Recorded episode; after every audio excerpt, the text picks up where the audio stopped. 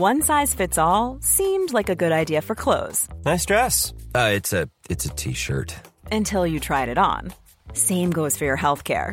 That's why United Healthcare offers a variety of flexible, budget friendly coverage for medical, vision, dental, and more. So, whether you're between jobs, coming off a parent's plan, or even missed open enrollment, you can find the plan that fits you best. Find out more about United Healthcare coverage at uh1.com. That's uh1.com.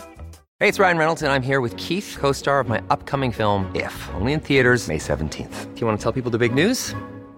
All right, I'll do it. Sign up now and you'll get unlimited for $15 a month in six months of Paramount Plus Essential Plan on us. Mintmobile.com slash switch. Upfront payment of $45 equivalent to $15 per month. Unlimited over 40 gigabytes per month. Face lower speeds. Videos at 480p. Active Mint customers by 531.24 get six months of Paramount Plus Essential Plan. Auto renews after six months. Offer ends May 31st, 2024. Separate Paramount Plus registration required. Terms and conditions apply if rated PG. Ready to pop the question? The jewelers at BlueNile.com have got sparkle down to a science with beautiful lab-grown diamonds worthy of your most brilliant moments. Their lab-grown diamonds are independently graded and guaranteed identical to natural diamonds, and they're ready to ship to your door. Go to BlueNile.com and use promo code LISTEN to get $50 off your purchase of $500 or more. That's code LISTEN at BlueNile.com for $50 off. BlueNile.com code LISTEN.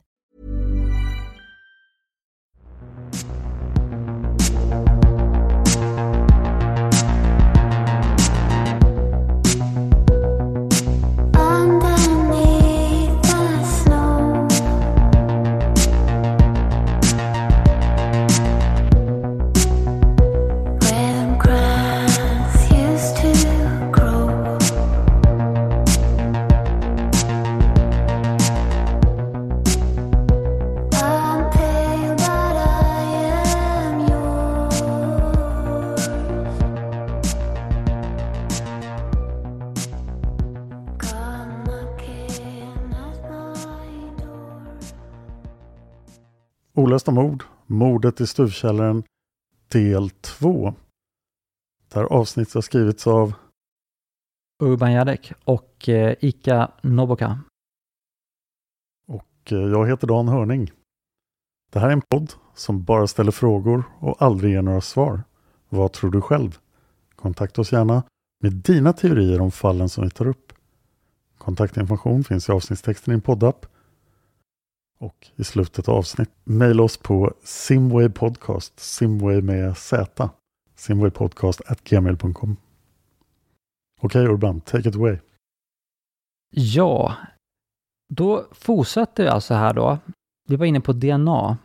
Det var nämligen så att eh, Göteborgspolisens Cold Case-grupp hade tagit över den här utredningen av mordet i stuvkällaren 2017.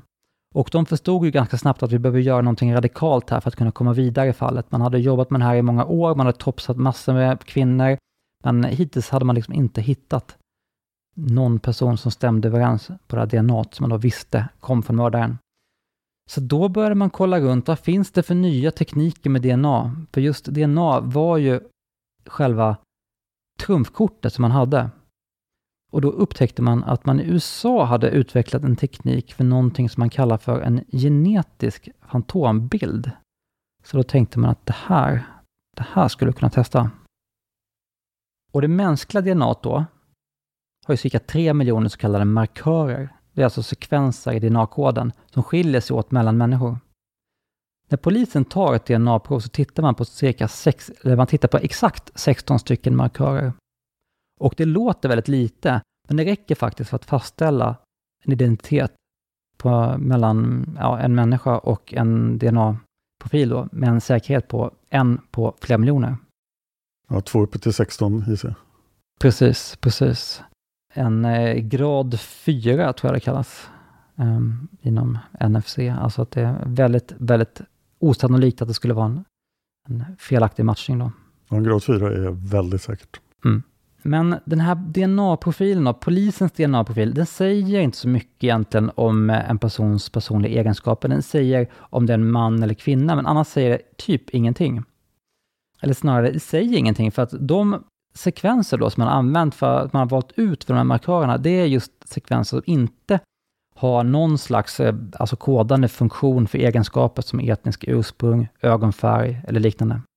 Men 2018 då, då bestämmer man sig för att göra den här mm, genetiska fantombilden för att man kan ju då genom att avancera, genom att analysera mer DNA så kan man eh, ja, få fram mer information då.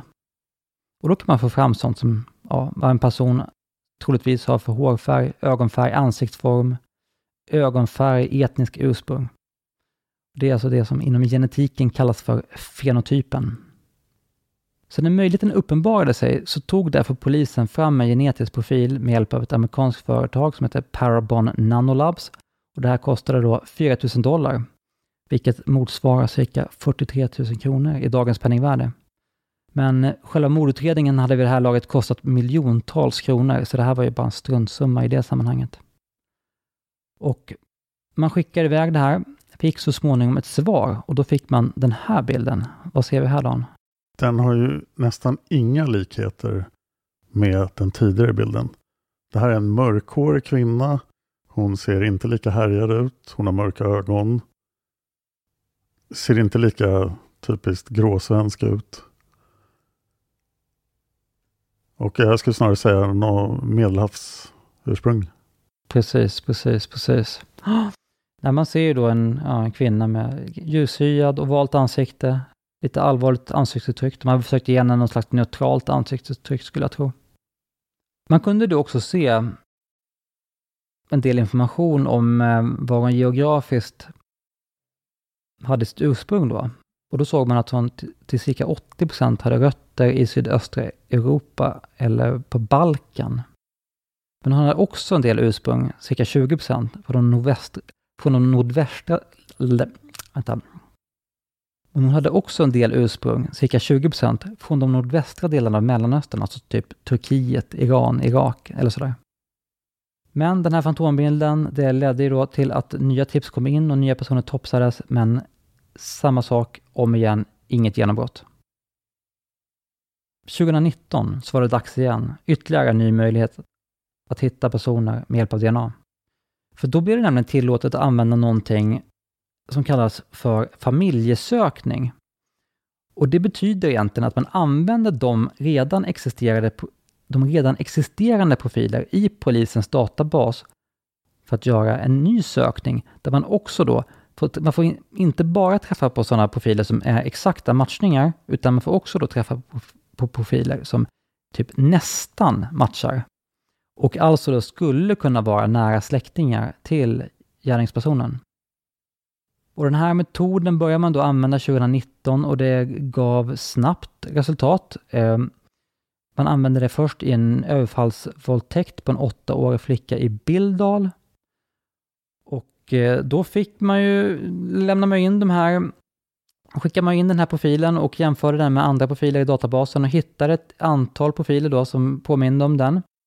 Och bland de här då så hittade man en profil från en person som hade dömts för något mindre brott som fanns med i registret. Men när polisen då började granska den här personen, vad han hade för släktingar, så hittade man att hans pappa hade bott i Bildal vid den här, aktu vid den här aktuella tiden när den här våldtäkten skedde. Så då hade man ju ringat in gärningsmannen väldigt snabbt och kunde få honom dömd. Snyggt. Mm. Samma veva så prövar man också den här metoden, fallet med stuvkällaren.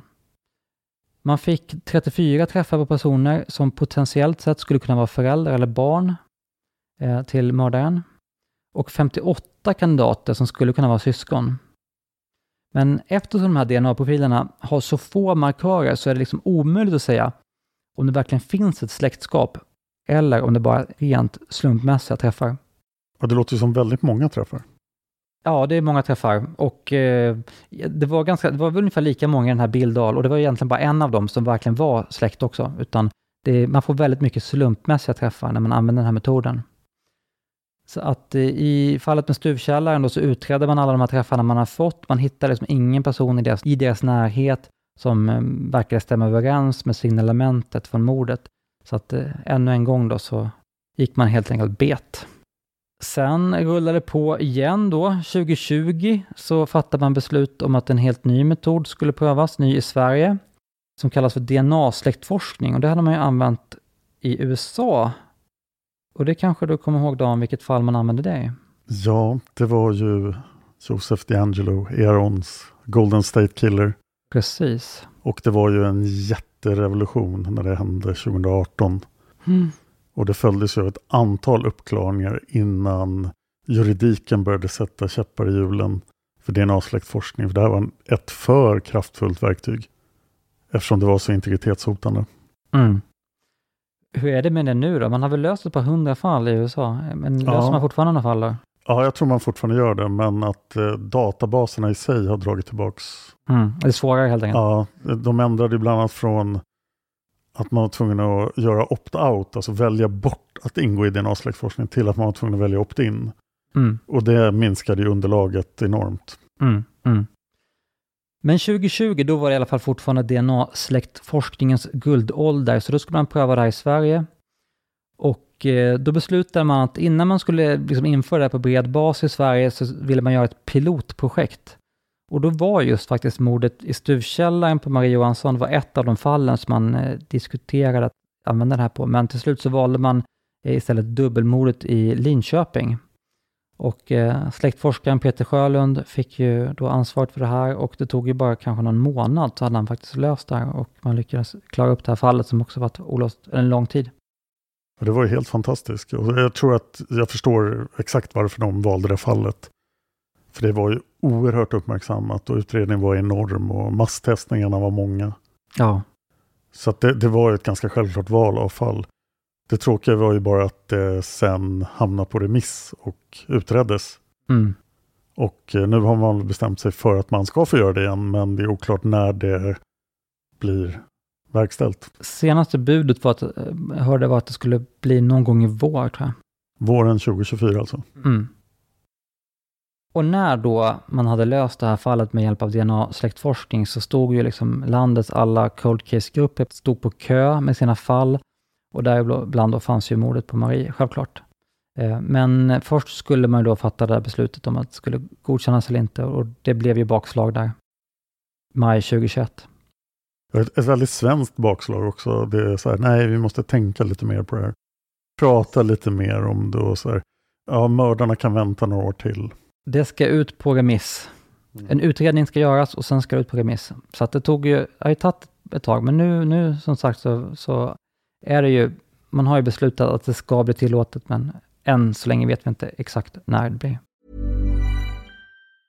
Many of us have those stubborn pounds that seem impossible to lose, no matter how good we eat or how hard we work out. My solution is PlushCare. PlushCare is a leading telehealth provider with doctors who are there for you day and night to partner with you in your weight loss journey. They can prescribe FDA-approved weight loss medications like Wagovi and Zepbound for those who qualify. Plus, they accept most insurance plans. To get started, visit plushcare.com slash weight loss. That's plushcare.com slash weight loss. Hiring for your small business? If you're not looking for professionals on LinkedIn, you're looking in the wrong place. That's like looking for your car keys in a fish tank. LinkedIn helps you hire professionals you can't find anywhere else, even those who aren't actively searching for a new job but might be open to the perfect role. In a given month, over 70% of LinkedIn users don't even visit other leading job sites. So start looking in the right place. With LinkedIn, you can hire professionals like a professional. Post your free job on linkedin.com slash people today. Burrow's furniture is built for the way you live. From ensuring easy assembly and disassembly to honoring highly requested new colors for their award-winning seating, they always have their customers in mind. Their modular seating is made out of durable materials to last and grow with you. And with Burrow, you always get fast, free shipping. Get up to 60% off during Burrow's Memorial Day sale at burrow.com slash ACAST. That's burrow.com slash ACAST. burrow.com slash ACAST.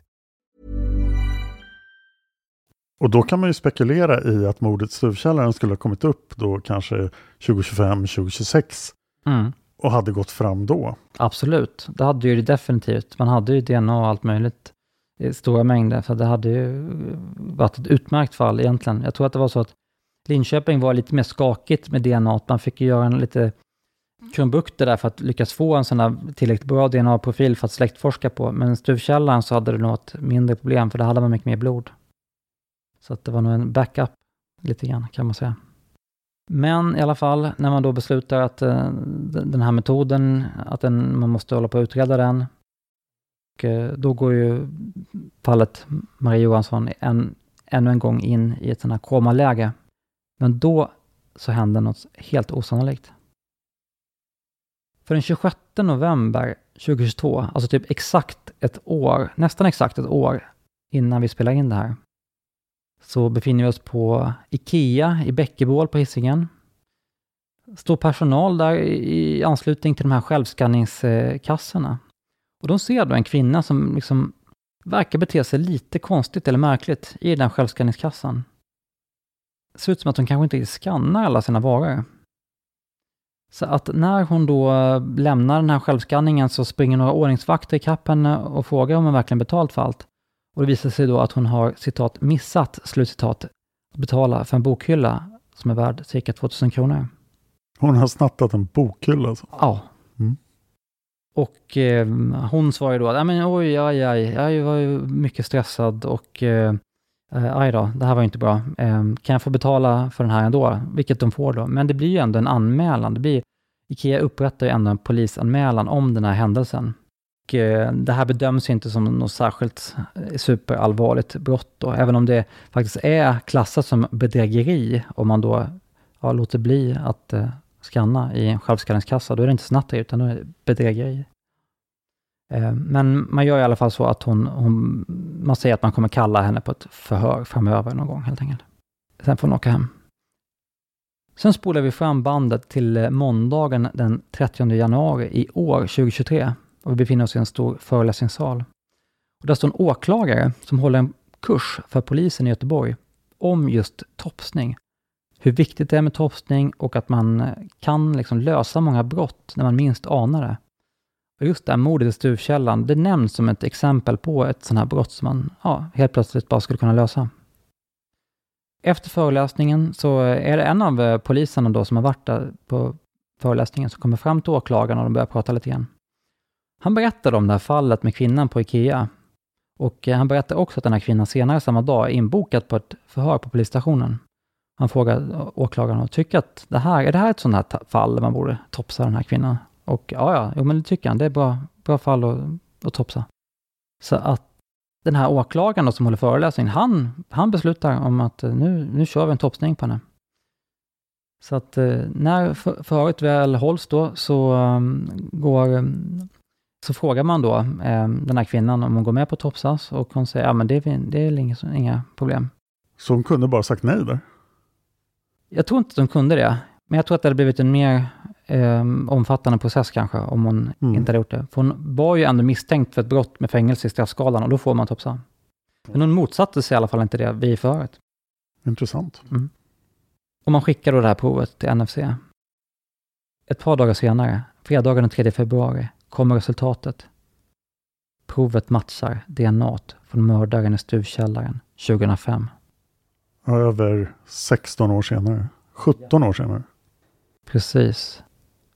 Och ett par dagar senare så blir det här nyheter då för allmänheten. 6 februari 2023. Så skriver eh, tidningen om det här.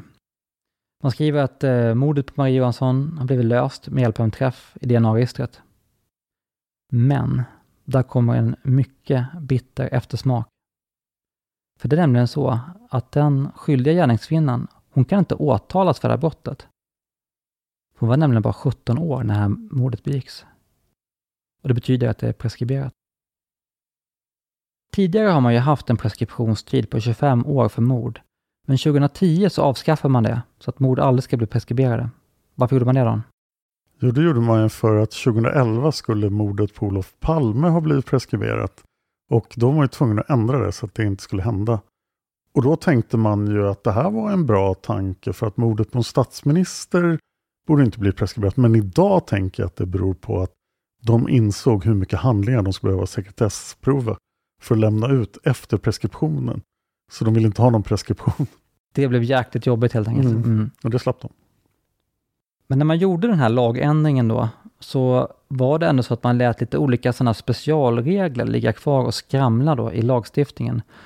Bland annat en regel som sa att vid brott där man inte kan dömas till livstids fängelse så är det fortfarande preskriptionstid och då är preskriptionstiden 15 år.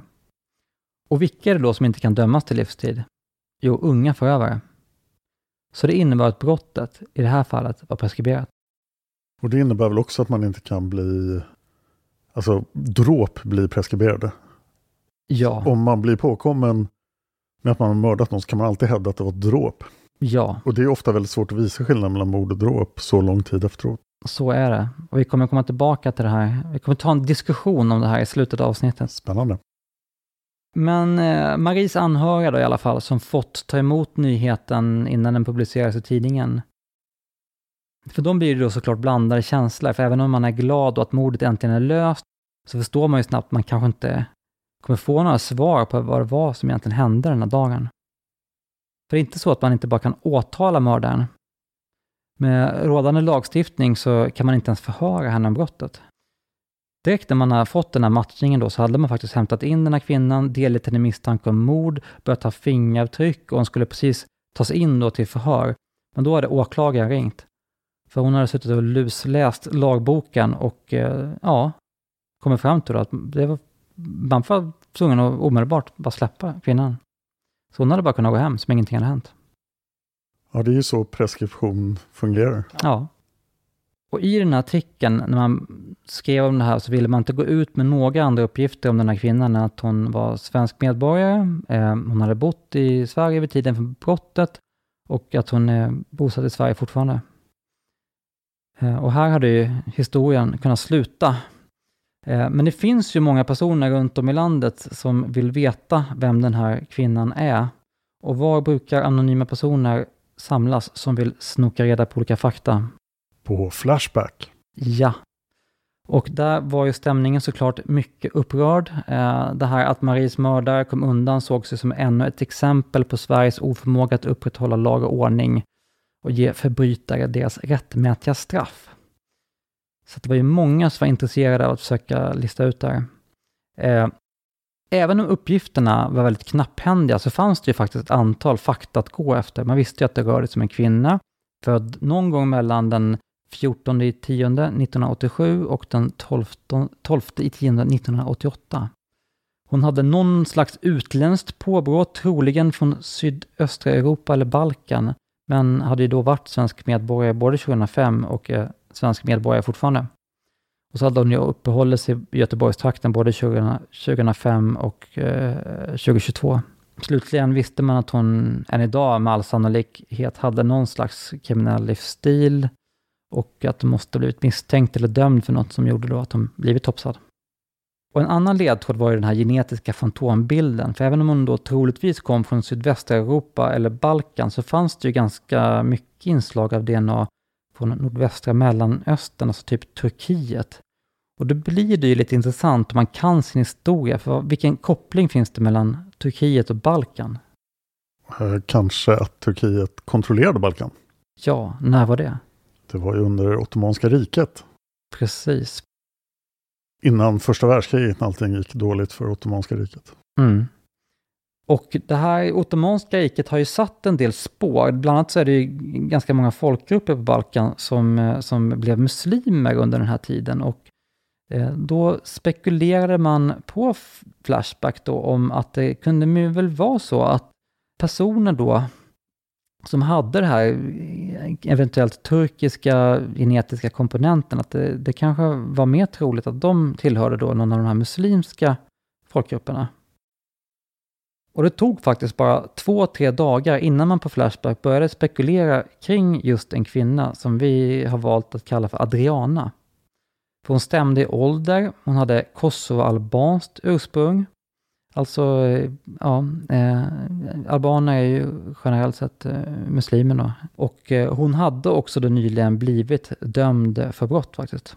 Men det fanns ju också en del saker som talade emot det här, nämligen att hon bara någon dryg månad efter mordet så hade hon fött ett barn. Så hon alltså varit, skulle alltså varit höggravid vid tiden för mordet, men inget vittne hade ju eh, liksom rapporterat någonting i den stilen. Så att, mm, det tyckte man var väldigt märkligt. Då tänker man ju spontant att eh, en långt gången graviditet skulle vara någonting som visar sig i blodprov. Men man kanske inte utförde andra blodprov än ta DNA. Jag har tänkt precis samma sak faktiskt, men jag har inte hittat någon uppgift om att man skulle ha, ha testat det. Men det hade ju varit en jäkligt bra grej att kolla faktiskt, nu när man hade så mycket blod. För man, det är ju absolut så att man kan eh, hitta andra saker i blod. Det vet ju jag som läkare, att vi hittar ju massa saker i blod. Så det vet jag faktiskt inte riktigt varför man inte har gjort. Men det är absolut en sak som, om någon vet så får man gärna höra av sig. Jag tänkte på det på grund av att man graviditetstestar UFC-fighters. Mm. För att det är en fördel att vara gravid när man ska slåss. Okej, Så det har använts som doping men nu blivit förbjudet. berätta mer. Varför är det en fördel? Det är oklart men det är någonting med adrenalin och modersinstinkt och så att barnet måste överleva. Och att man får en ändrad hormonbalans. Men nu, nu är ute på Mm. att spekulera vilt här. Kan ju ha en um, bärighet i det här fallet. Det gick till och med så långt att det ett tag misstänktes att folk eh, blev gravida inför, inför fighter. För att en professionell MMA-fighter slåss kanske två, tre gånger om året. Oj, Men nu är det inte längre en möjlighet då. nej, nej. Men i alla fall, bara ett par dagar därefter så publicerar ju faktiskt Expressen då en nyhet som bekräftar att den här kvinnan som man hade börjat spekulera om på ett väldigt tidigt stadium, det är hon. Det var hon som var mördaren. Och vem är då den här kvinnan som jag valt att kal- kalla för Adriana? Men, men får Expressen berätta sånt? Eh, nej, Nej, det här är inte en fälld brottsling. nej, men de publicerade uppgifter som gjorde att man i sin tur då utifrån dem kunde triangulera att det var den här kvinnan. Ah. Och det var väl just, jag tror att det var just det här med att hon var gravid vid tiden för mordet. Mm. Och eh, även vad hon hade blivit dömd för. Och då gick det ju då så att säga att via offentliga arkiv plocka fram vem det här var. Det var inte så svårt helt enkelt. Men vi kallar ju den här kvinnan för Adriana och hon är ju då som sagt eh, född i Kosovo, uppvuxen i Sverige, på Hisingen, samma som Maria Johansson alltså, i området som heter Lundby, som är ett område som har en del kriminalitet och sociala problem och sådär. På internet så kan man ju hitta ett flertal bilder på henne. Vi kommer ju tyvärr inte lägga upp några av de här bilderna på sociala medier, men jag tänkte ändå att vi kunde titta på några av de här för att helt enkelt se hur de står sig jämfört med de här fantombilderna. Ja, det har ju ganska stora likheter med den genetiska fantombilden, tycker jag. Men den första fantombilden har inga likheter med alls. Det är möjligtvis lite på ögonen kanske skulle jag säga. Ja, fast det är oerhört vagt. Ja, Sen vet man inte om hon då hade så blonderat håret kanske och var väldigt härlig. nej, hon, var, hon, var, hon hade ju svart hår. Ja, Men alltså av döma av de här bilderna som vi kikar på nu, så alltså, hon är ju 30-årsåldern på de här bilderna. Jag tycker det är extremt svårt att förstå hur alla de här vittnena kunde tro att hon var liksom i 35-40 års åldern när hon var 17. ja för hon ser ju ganska välbehållen ut i 30-årsåldern. Här. Ja, hon ser ju, ser ju snarare yngre ut kanske än äldre. Ja, det skulle vara mer troligt att hon var 25 än att hon var 35. Ja. Så det är väldigt, väldigt konstigt ska jag säga. Hon måste haft en riktigt dålig dag. Ja, verkligen. Och på de här sociala medierna kan man ju också då se att det verkar på ytan då som att hon har en välfungerande familjeliv med man och barn, men eh, gör man lite mer noggranna efterforskningar så är ju så inte fallet. Hon var ju 17 när hon begick det här mordet på Marie Johansson. Var då gravid i åttonde månaden. Pappan till det här barnet, hon och eh, han fick då så småningom ytterligare ett barn, men eh, det tog slut mellan, mellan dem. Då, enligt uppgift så hade pappan varit väldigt kontrollerande och sådana saker. Träffa en ny man och även det förhållandet verkar också varit komplicerat. De hade anmält varandra för olika brott vid upprepade tillfällen. Och hon är ju också straffad för flera lindriga brott, bland annat bedrägligt beteende 2015. Också då att hon hade struntat i att skanna varor, den här gången på ICA olovlig körning, att hon låtit sin partner som inte hade körkort köra hennes bil. Men hon hade liksom fått villkorlig dom och dagsböter och sådär för det. 2018 så hade hon även blivit misstänkt för misshandel mot sin dåvarande partner då, men den utredningen hade blivit nedlagd. 2020 så gjorde man en razzia, myndigheterna, mot, mot paret och eh, hittade bland annat narkotika och hennes barn då blev omhändertagna enligt LVU. Hon har sedan dess då försökt få tillbaka vårdnaden om barnet men hittills har hon fått avslag på det, vad jag vet. Och det är även många andra i Adrianas släkt då som har dömts för olika brott. Bland annat så har hon ett par bröder som dömts för olika sådana gäng, gängbrott och det är till och med någon av dem som har blivit dömd för mord och någon annan som har blivit dömd för mordförsök. Ehm, och hennes exman då har anklagat hennes familj för att de har hotat och misshandlat dem och, hotat och misshandlat honom och sådär. Så det verkar alltså att det, som att det varit en hel del våld och brott inom den här familjen där de växte upp. Och eh, ja, vad kan det bero på då? Arv eller miljö? Där de tvistade lärde. ICA i alla fall grävt fram några olika studier där som eh, visar att det finns en del genetiska kopplingar.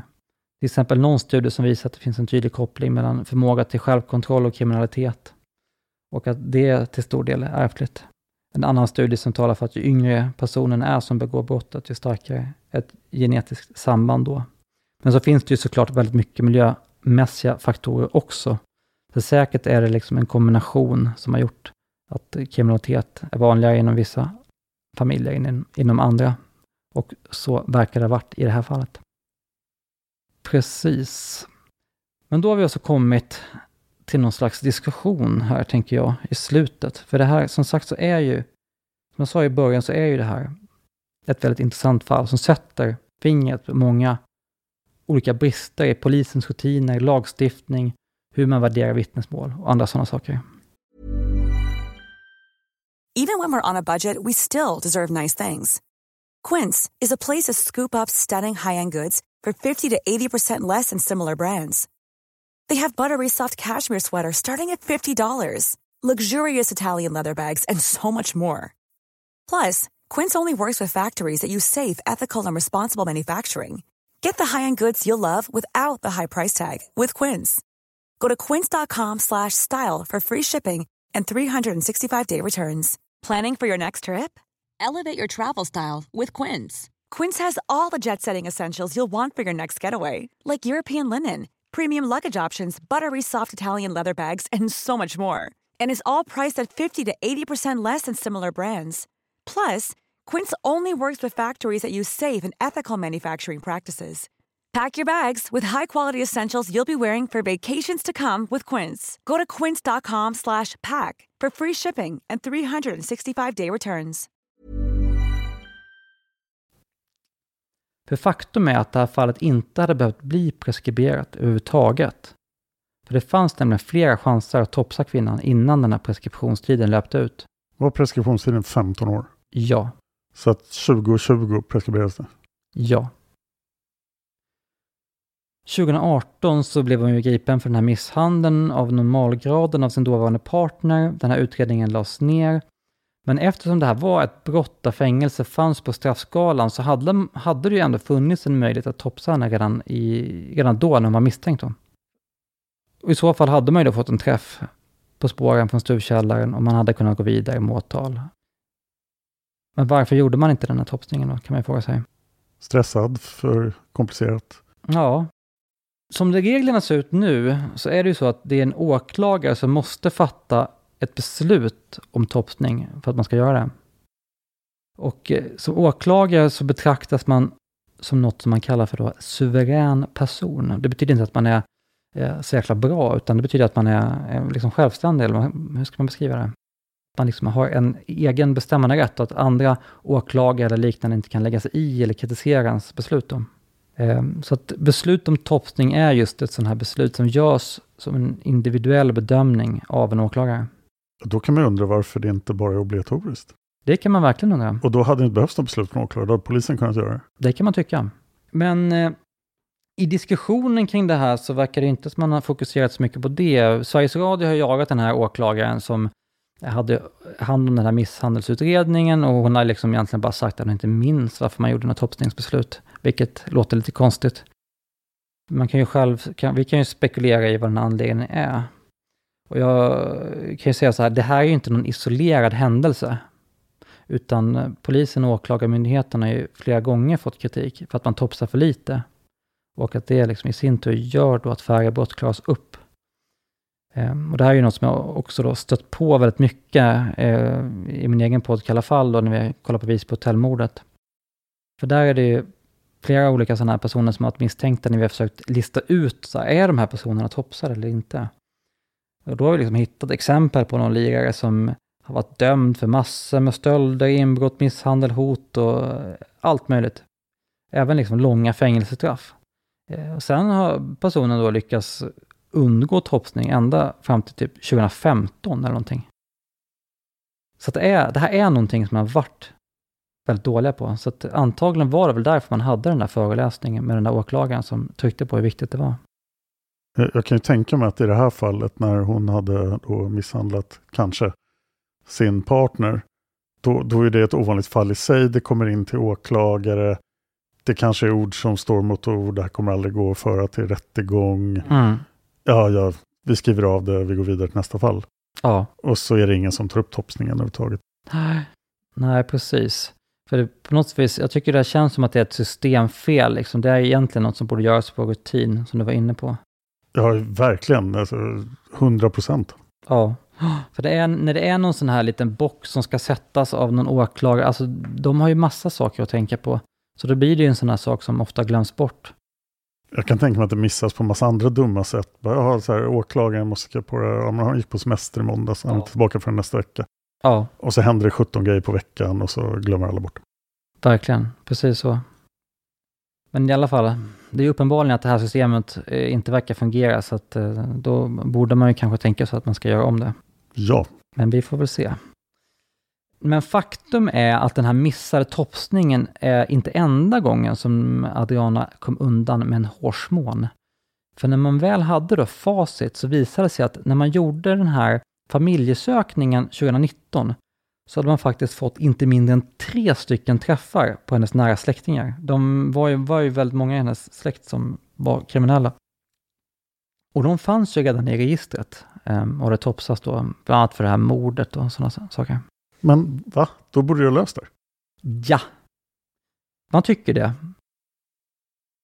För i och med att de här DNA-profilerna som man använder i den här typen av sökningar, de har ju liksom inte någonting att göra med etniskt ursprung.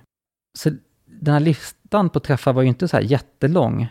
Man tycker att en utredare som tänkt till lite grann borde ju dratt öronen åt sig extra när det dök upp liksom flera personer på listan som både var liksom släkt sinsemellan med varandra och som dessutom hade ett etniskt ursprung som låg väldigt nära det här som man misstänkte att mördaren då antagligen hade från den muslimska minoriteten i Balkan.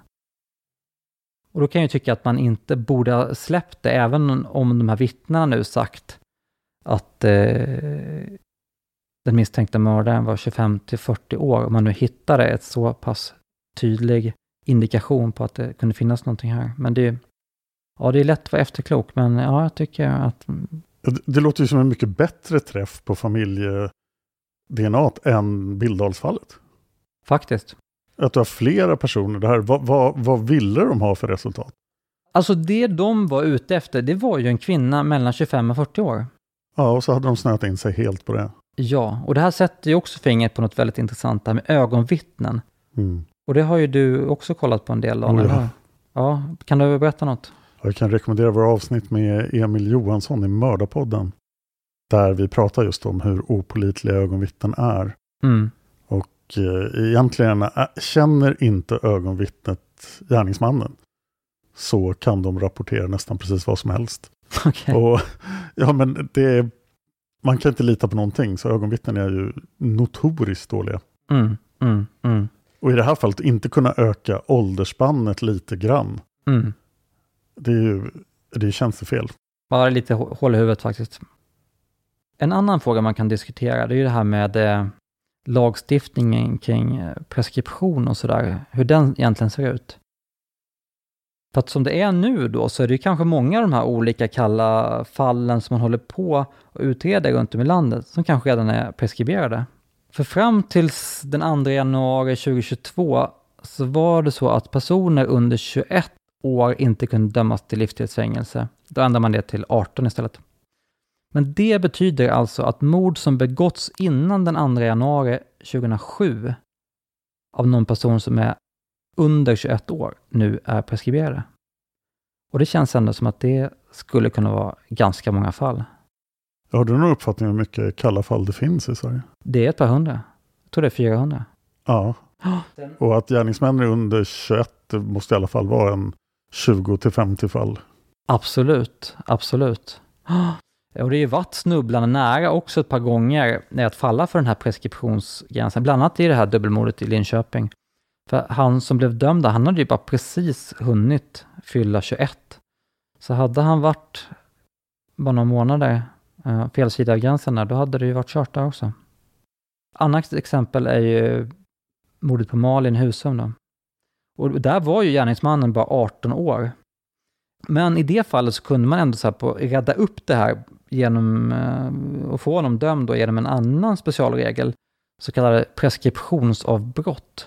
För att i och med att han hade suttit häktad för fallet en gång redan tidigare, i samband med mordet då, så blev det liksom en annan preskriptionstid som gällde. Då var det 25 år helt plötsligt. Då lyckades man ju få in det här åtalet i tiden då. då.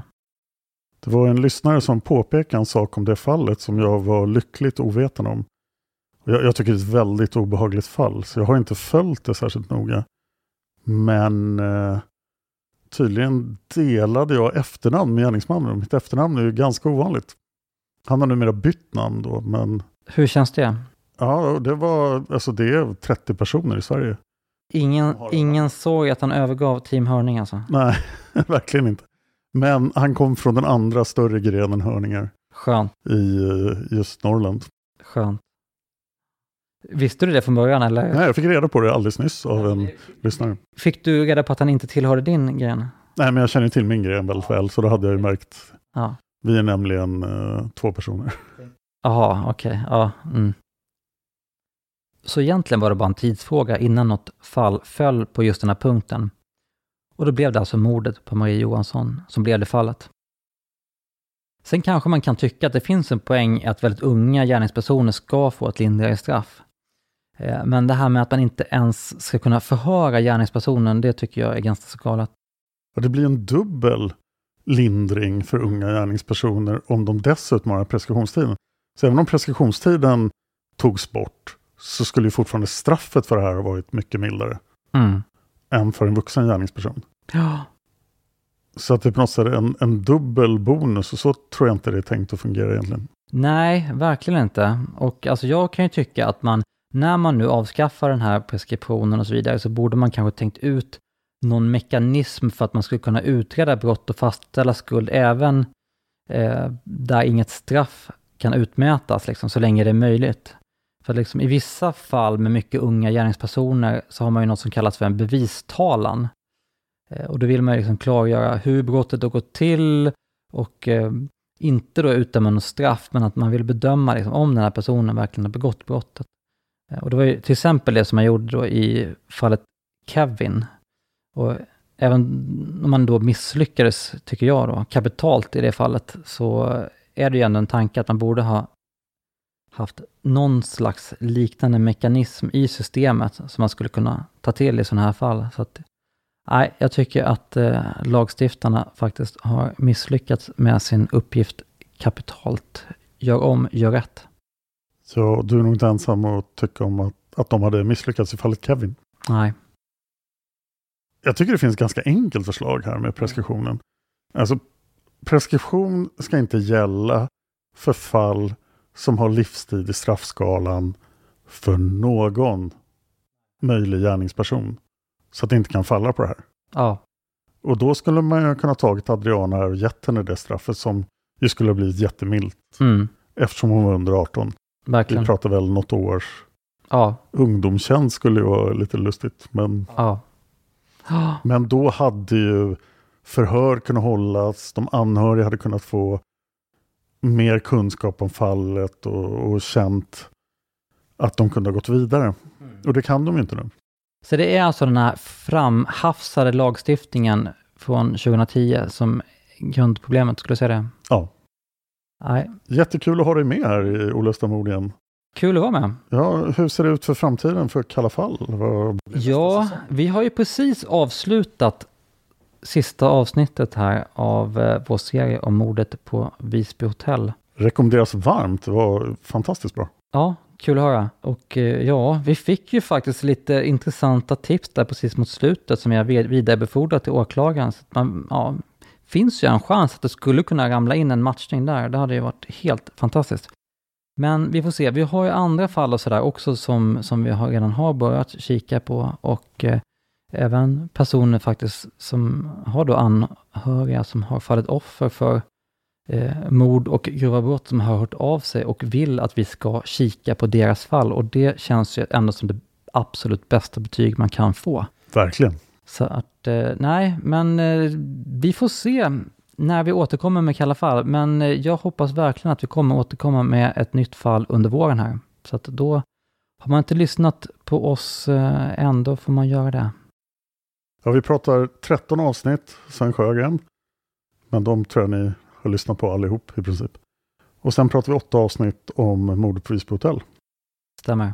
Finns det någon misstänkt gärningsman för Visby hotellmordet som var under 21 när det hände? O, oh ja, oh ja. Och de är i så fall preskriberade. Massor, ja.